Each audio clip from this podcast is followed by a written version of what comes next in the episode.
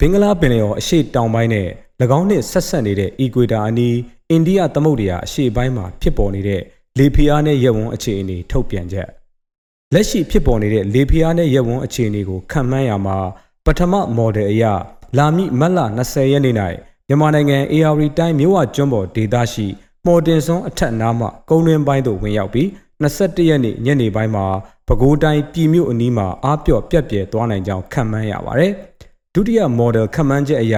လာမည့်မတ်လ22ရက်နေ့မှာမြန်မာနိုင်ငံရခိုင်ပြည်နယ်တန်တွဲနဲ့ကြောက်ဖြူမြို့ကြားမှကုန်းတွင်းသို့ဝင်ရောက်ပြီးသကိုင်းတိုင်းမုံရွာမြို့အနီးမှာအားပြော့ပြက်ပြဲသွားနိုင်ကြောင်းခန့်မှန်းရပါတယ်။မတ်လအတွင်းဖြစ်ပွားခဲ့မှုတဲ့မုန်တိုင်းများရဲ့ရာဇဝင်ကိုပြန်လည်သုံးသပ်ကြည့်ရာ1992ခုနှစ်မတ်လမှာဖြစ်ပေါ်ခဲ့တဲ့မုန်တိုင်းဟာ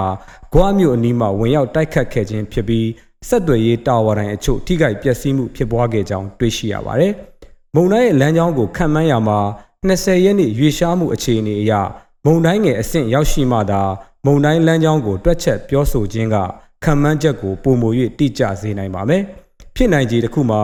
လေပွေလိုင်းနှစ်ခုကွဲထွက်သွားပြီးတစ်ခုမှာတိမ်တန်းအသွင်ဖြင့် ARD ဘက်သို့ရောက်ရှိနိုင်ပြီးတစ်ခုမှာဘင်္ဂလားပင်လယ်အော်မြောက်အနောက်မြောက်ဘက်သို့ဆက်လက်ရွေရှားသွားနိုင်ပါတယ်။ လက်ရှိလေပီအားစနစ်ကိုသုံးသပ်ရမှာ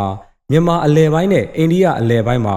အိန္ဒိယဟာလေပီအားပိုနည်းနေပါတယ်။တို့ဖြစ်ရာ theory အရဆိုရင်အိန္ဒိယဘက်သို့ရွေရှားနိုင်ခြေပိုများပါတယ်။မြောက်ဘက်မှလေအေးများဖိထားပါကယခုလမ်းကြောင်းအတိုင်းဆက်လက်ရွေရှားနိုင်ပါတယ်။မြောက်ဘက်မှလေအေးများဖိထားခြင်းမရှိခြင်းကြောင့်မြောက်ဘက်သို့ဆက်တက်မည်ဆိုပါကမြန်မာနိုင်ငံအနေဖြင့်မုန်တိုင်းအရှိန်တက်ရောက်မှုတက်တာပါမယ်။မြောက်ဘက်သို့ဆက်မတက်ဘဲဘင်္ဂလားပင်လယ်အော်မှ မော်ဒင်ဇွန်းကိုဖျက်ကျော်ဝင်ရောက်မည်ဆိုပါကညာဘက်သို့ကွေ့တက်ပြီးမြန်မာပြည်ထဲသို့ဝင်ရောက်နိုင်ပါတယ်။မုန်တိုင်းအဆောက်အအုံဆဲလ်များတွင် thunderstorm cell အများအပြားပါဝင်ခြင်းမိုးဥကြကာလဖြစ်ခြင်းတို့ကြောင့်လေပြင်းအနေဖြင့်တိုက်ခတ်လျင်လေပြင်းအားနည်းသောနေရာများ၌နေရာကွက်၍အပြက်အစီးကြီးမားနိုင်ပါတယ်။ thunderstorm cell တစ်ခုထိတွေ့သောနေရာမှာနေအိမ်၄50လုံးခန့်အိမ်တိုင်မှာကျွတ်ထွက်ခြင်းအမိုးများလန်ခြင်းနှင့် ထုတ်တန်းများပါကျွတ်ပါခြင်းများဖြစ်နိုင်ပါတယ်။လေလန်းကြောင်းကျသောနေရာများရှိနေအိမ်များဟာလေပြင်းအားကျဆင်းမှုကြောင့်လက်ဝဲရစ်လေတိုက်ခတ်ပြီးပေ200အထက်အမြင့်အထိအမိုးများသွတ်နစ်ထုတ်တန်းများကိုဆွဲတင်ဖျက်ဆီးသွားနိုင်ပါတယ်။20ရက်နေ့မှာပြောင်းလဲဖြစ်ပေါ်နိုင်မဲ့လမ်းကြောင်းအခြေအနေကိုမူတည်ကာ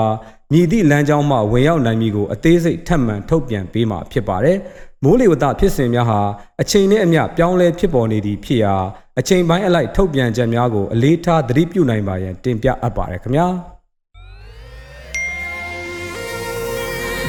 PPTV ကမျိုးတော်လိုင်းရေးဆိုင်ရာအစီအစဉ်ကောင်းတွေကိုရည်စည်တင်ဆက်ပေးနေရရှိပါတယ်။ PPTV ကထုတ်လွှင့်တင်ဆက်ပေးနေတဲ့အစီအစဉ်တွေကို PPTV ရဲ့တရားဝင် YouTube Channel ဖြစ်တဲ့ youtube.com/c/pptv မြန်မာကို Subscribe လုပ်ကြည့်ရှုပေးကြရဖြင့်တော်လိုင်းကိုတစ်သက်တအားဖုန်းမှုပြည့်ပေးနိုင်ပြီဖြစ်ကြောင်းသတင်းအောင်ပါလိုက်ပါရရှင်။စိတ်ရက်ကလစ်တွေနဲ့တော်လိုင်းရေးကိုနိုင်တဲ့ဘက်ကထိတ်ဆက်အားဖြစ်လိုက်ကြအောင်ပါ။အရေးတော်ပုံအောင်ရမည်။